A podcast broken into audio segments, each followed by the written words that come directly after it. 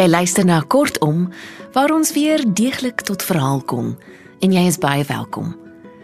Ons gaan vanaand luister na 'n kort verhaal deur Nicole Jekyll Strauss, voorgeles deur Sintyn Skutte. Die verhaal is getiteld Kleinoot en ek het dit gekry in die bundel As in die mond, uitgegee deur Colerie, 'n druknaam van NB Uitgewers. Lekker luister.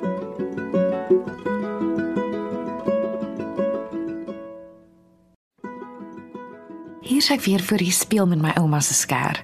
Ek wag vir die klokke, altyd eers die een en dan al die ander wat ek van ver af hoor. Asof die ander verder klokke vir die oudste een in die middel van die dorp wag om eers te begin.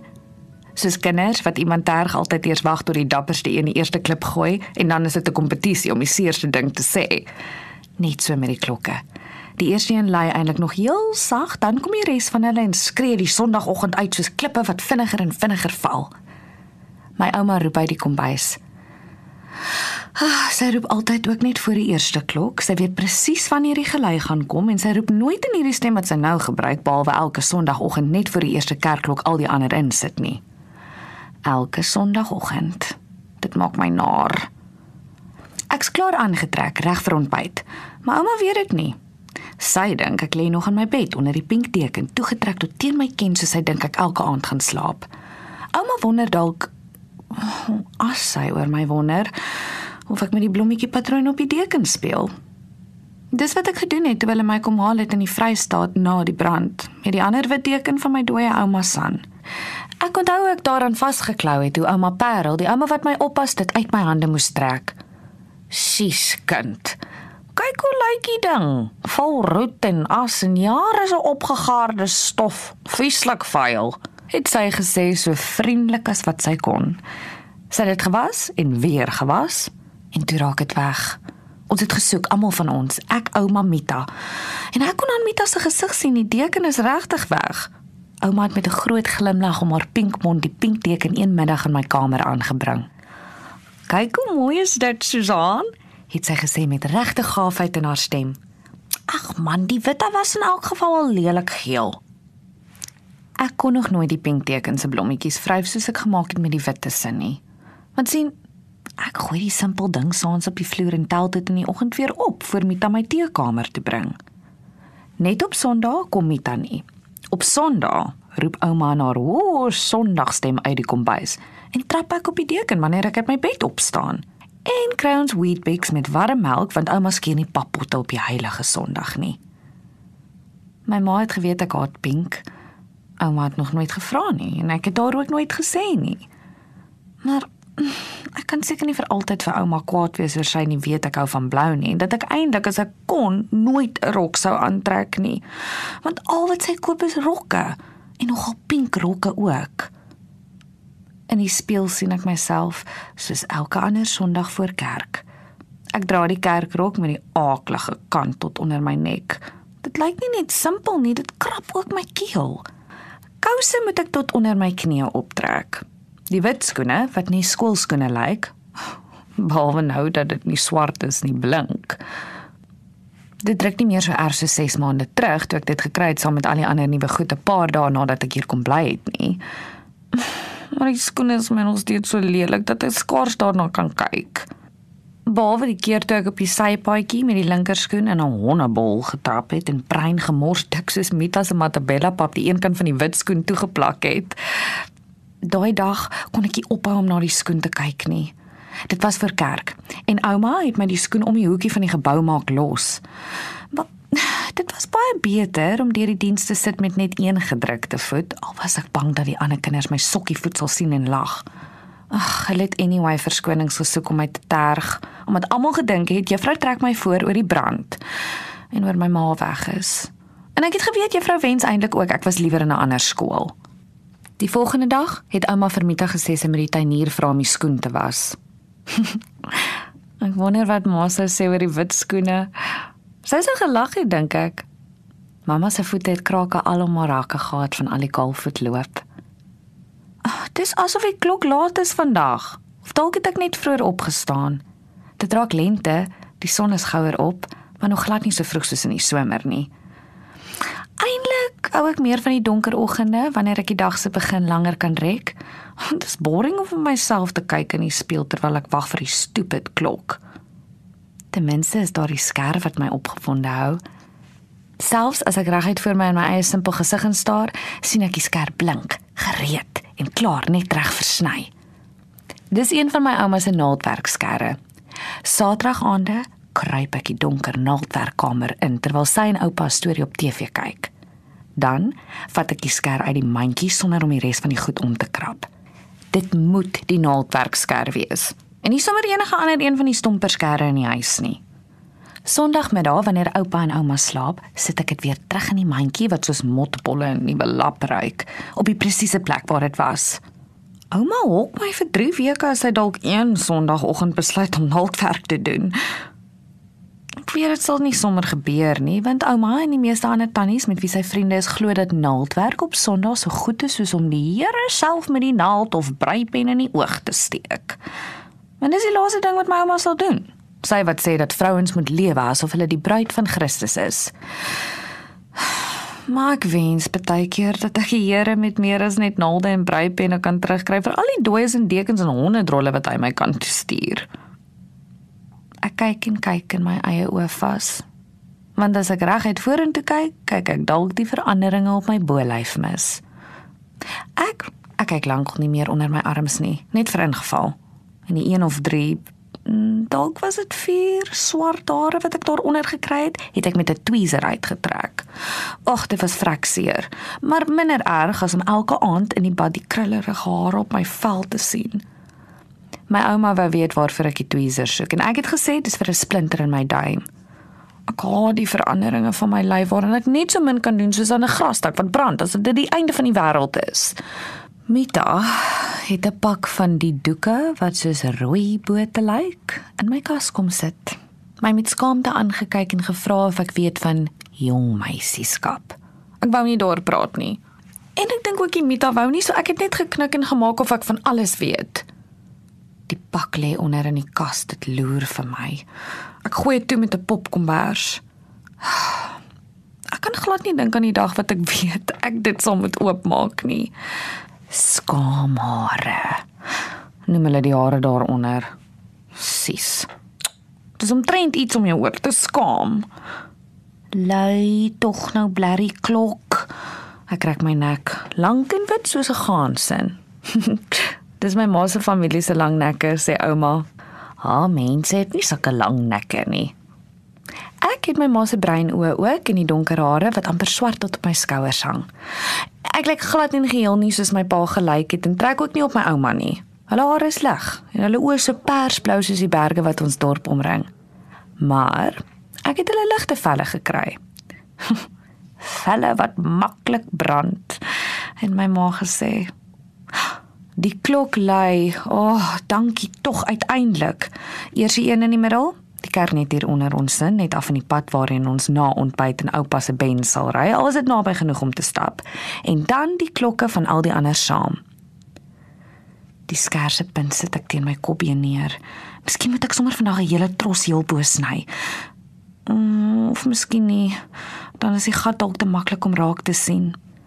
So, ek vat liewer 'n stuk hare bokant my linkeroor en hou dit gelyk met my skouer en meet dit uit met die skerse lem. Hoeveel sentimeter sal dit vat? Hmm, laas keer het ek omtrent 3 gesny. Op die speelkas wag die boksie met die hare in. Ek het dit diep onder my klere uitgehaal. Daar waar ek die ander boksie vol klippies van die Vrystaat plaas ook hou en oopgemaak. Dit wag vir die stukkie wat vanoggend kom.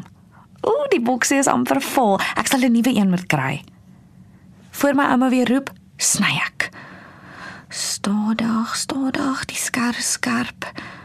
My ouma sal nooit stomp skerre na naaldwerk mandjie toelaat nie. Stomp skerre gee sy vir Mita, nes al die ander goed wat oud of stikkend is en die take waarvoor sy nie lus is nie.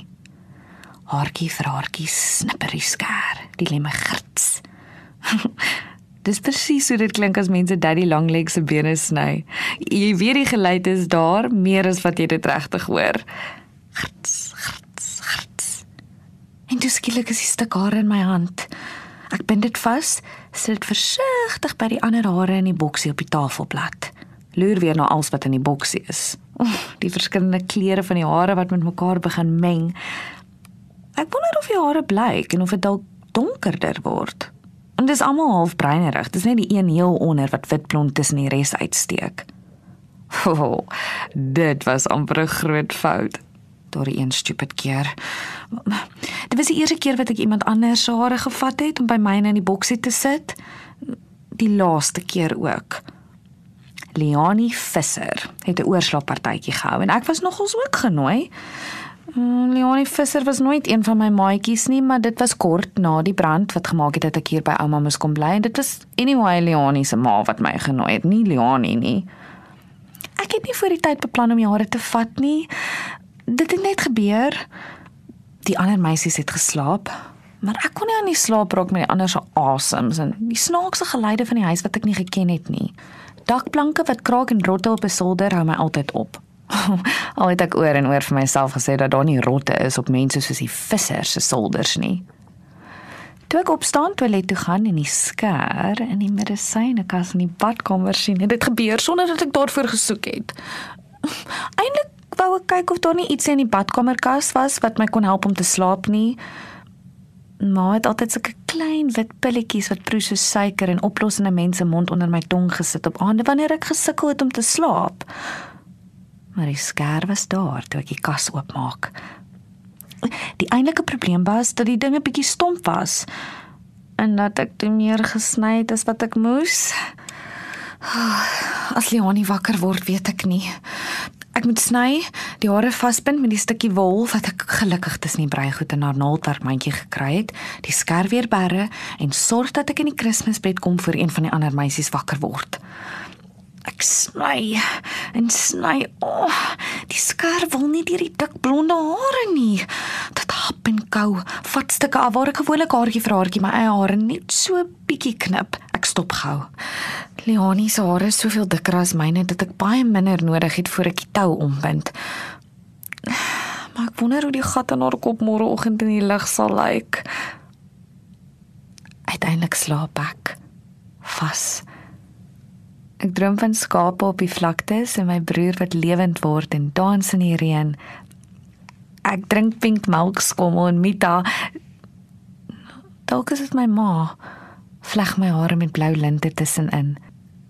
Voor die vlag sal klaar is, kom eers te gil en toe skree al die ander sonder dat hulle eers weet hoekom. amper soos die klokke op 'n Sondag voor kerk. En die ander meisies spring uit die Kersbed. Leonie is hysteries. Sy wys na die stuk gat in haar hare. Haar pragtige reguit hare skielik so gehap soos 'n haasbek Leonie se ma storm in en toe haar pa, selfs die ouer broer kom versigtig die kamer binne. Al het sy pa die vorige aand gesê hy trek sy velle van sy lyf af as hy naby ons meisies kom. Leonie se ma kyk met groot oë na die res van ons, asof sy bang is een van ons rukkie skêr onder haar nagrok uit. Maar ons almal staar net so geskok soos die tannie na Leonie se hare en na die tannie en die oom om te sien wat hulle gaan doen. Een of twee van die meisies gaan heel aan sit terug saam met Leonie aan die huil. Ek sien dadelik watter een van die meisies Leonie se ma aankyk asof sy die geheime haarkapper is. Adelia. Adelia de Kok. Wie se skoolrok lankal korter is as die res van ons in wat eerste gekuis was, wat haar hare nie meer in vlegsels dra nie, maar in 'n wille ponie ster op haar kop. Leonie die laaste tyd pouse soos 'n stertjie agter Adelia aangeloop. Ek het selfs al gesien Leonie dra Adelia se tas. Maar Leonie skree dit was ek. Sy's 'n freak ma. Ek weet dit was sy. Jou waar nooi nie ekkie. Ek kan nie enige verskonings dink nie, bars net in trane uit. Niemand anders sal dit aan my doen nie. Gil Leonie terwyl haar ma my uit die kamer vat om my ouma te gaan bel. Ek dink dit is dalk beter as jy huis toe gaan. Ek snik sag. Kyk, kyk in haar sak, ma. Skreeu Leonie nog uit haar slaapkamer soos ek nie tannie in die gang afloop. My my hare lê in haar sak. By alle ander goed wat sy ook van ons steel, sy's 'n dief. Sy's 'n freak. Die val op Leonie se ma se gesig trek styf. Leonie is ontsteld kind, sy bedoel nie die lelike goed wat sy sê nie. Die tannie gaan staan, vat aan my skouers. "Ek moet tog nou nie vir jou ouma sê nie, ons sal die skuldige een kry en sorg dat sy nie weer hier kom nie." Sy verdwyn in die spens. Ek hang met my hande agter my rug in die groot kombuis rond. Sy kom terug. Druk 'n pakkie pink skuimpies in my hand. "De." En gaan eet dit by die huis en vergeet van Liani, jy hoor? Meisies is maar baie keer lelik. Hulle bedoel dit nie. Agter in ouma se kar op pad huis toe druk ek die skuimpies een vir een tot 'n papery. My ouma wou weet wat gebeur het, maar Liani se ma het gesê: "Ag, dis sommer katterigheid en bitsigheid tussen die meisies. Sy weet wie die vrotappel is." My ouma het my skewerig aangekyk, haar mond geplooi soos wanneer sy met Mita raas. Maliani se ma het haar vinnig reghelp en gesê my ouma moet laat weet as sy eetgoedjies vir die volgende biduur nodig het. My oupa is die hoofouderling van die kerk met die klokke wat altyd eers lui. My biduur is elke woensdag aand in my ouma en oupa se huis. En toe roep ouma weer. Ontbyt voor ons kerk toe gaan. Alles staan al reg, ek weet. Die Weet-Bix boks op die tafel, die warm melk, die suikerpot. Ouma het klaar tee gemaak. Teepotte was sy darm, al is dit nou die sewende dag. Ek streel weer oor die hare in die houer. Dis sag, soos 'n kat se pels. Elke gerfie is met 'n draadjie wol vasgebind. Nes die een heel heel onder wat nog dieper weggebere is as Leani Visser se blonde stuk. Die kortste dunste bondeltjie hare, die hare van 'n baba wat ek gevat het uit ouma se Bybel langs haar bed. My broer se hare. Ek borsel my hare uit. Dit hang 'n lang dik krulle om my skouers. Sondag, na ek my hare gesny het, is die enigste dag van die week wat ek dit nie vasmaak nie. Ek bekyk my kop van alle kante. Die keep van die oggend se knip kan ek goed sien en 'n entjie van daar af die vorige week se ook. Al is dit nie meer so duidelik nie. Ek skud my kop, kyk weer na myself in die spieël. Jep. Selfs na die hare beweeg het sy die gat in die haarlyn nog steeds heel duidelik daar. Susan, Roep ouma, haar stem nou ongeduldig en 'n bietjie vies. die melk raak koud, ons moet ry. Ek maak klaar. Kyk of my skoene blink. Vee gou die valkol op die een se toonpunt teen die agterkant van die sokkie af. O, oh, ek hoop nie daar sit nou 'n stofkol op die sokkie nie, want dan stuur ouma my dadelik terug om 'n skoon een aan te trek. Ek maak my kamerdeur oop. Ek kom ouma. Ek stap vinnig in die lang gang af verby die fotos en sertifikate teen die muur. My voetstappe doef dof op die plankvloer met die donkerrooi mat wat in die middel van die gang afloop. Ek hou my een hand in die ander ene vas. My mooi hare bons teen my rug. My rug hou ek regop en my ken af dat ek nie lyk of ek my ouma en oupa koggel nie. Ek weet hulle doen baie vir my. Ek wens net dit was nie nodig nie. Ek stap om die hoek van die gang en by die deur van die eetkamer in. Môre ouma, môre oupa. Die groot tafel is aan die een kant gedek. Oupa aan die kop, ouma aan sy regterkant en ek oorkant haar. Die res van die tafel blink alleen en leeg. Net Woensdag aand is dit vol wanneer die wyk verbid hier kom. Ouma en oupa waggel netjies agter hulle bordjies pap. Oupa glimlag vriendelik sonder om op te kyk. Sy Sondagoggend gesig laat my dink aan my pa. Hy lig sy kop en kyk by die venster uit. Die oggend se lig skyn op sy sagte wange waar daar 'n rukkie gelede nog grys stoppelbaarde was. Vaarlandsdou. Sy amper so sag dat ek dit kan hoor nie, meer vir homself as vir ons. Lekker misreentjie so voor ons kerk toe gaan. Ja, die grasperk kan doen met die water, sê ouma en kyk my op en af. Môre Susan. Ek swaai my hare oor my skouers, draai my kop so toe ek my stoel uittrek en gaan sit dat my ouma die nuwe gat moet sien. Ek het lankal besluit dat ek sal sê as ouma dalk een oggend vra hoekom daar 'n gat in my hare is. Ek wonder of sy sal kwaad wees of of net verbaas of dalk bekommerd oor my. Ek sal dit gaan haal. Die laaste een van die gerfies met die stringetjie wol vasbind en vir my ouma vra om dit in 'n wit koevert vir my ma te pos. My ouma sien nie die gat nie. Sy sê net ek gooi te veel suiker oor my pap. En dat dit tyd is vir 'n nuwe rok. Die molletjie stoot. Oupa staan nog steeds by die venster uit. Asof pa oor die gras sal kom as hy lank genoeg daarna kyk.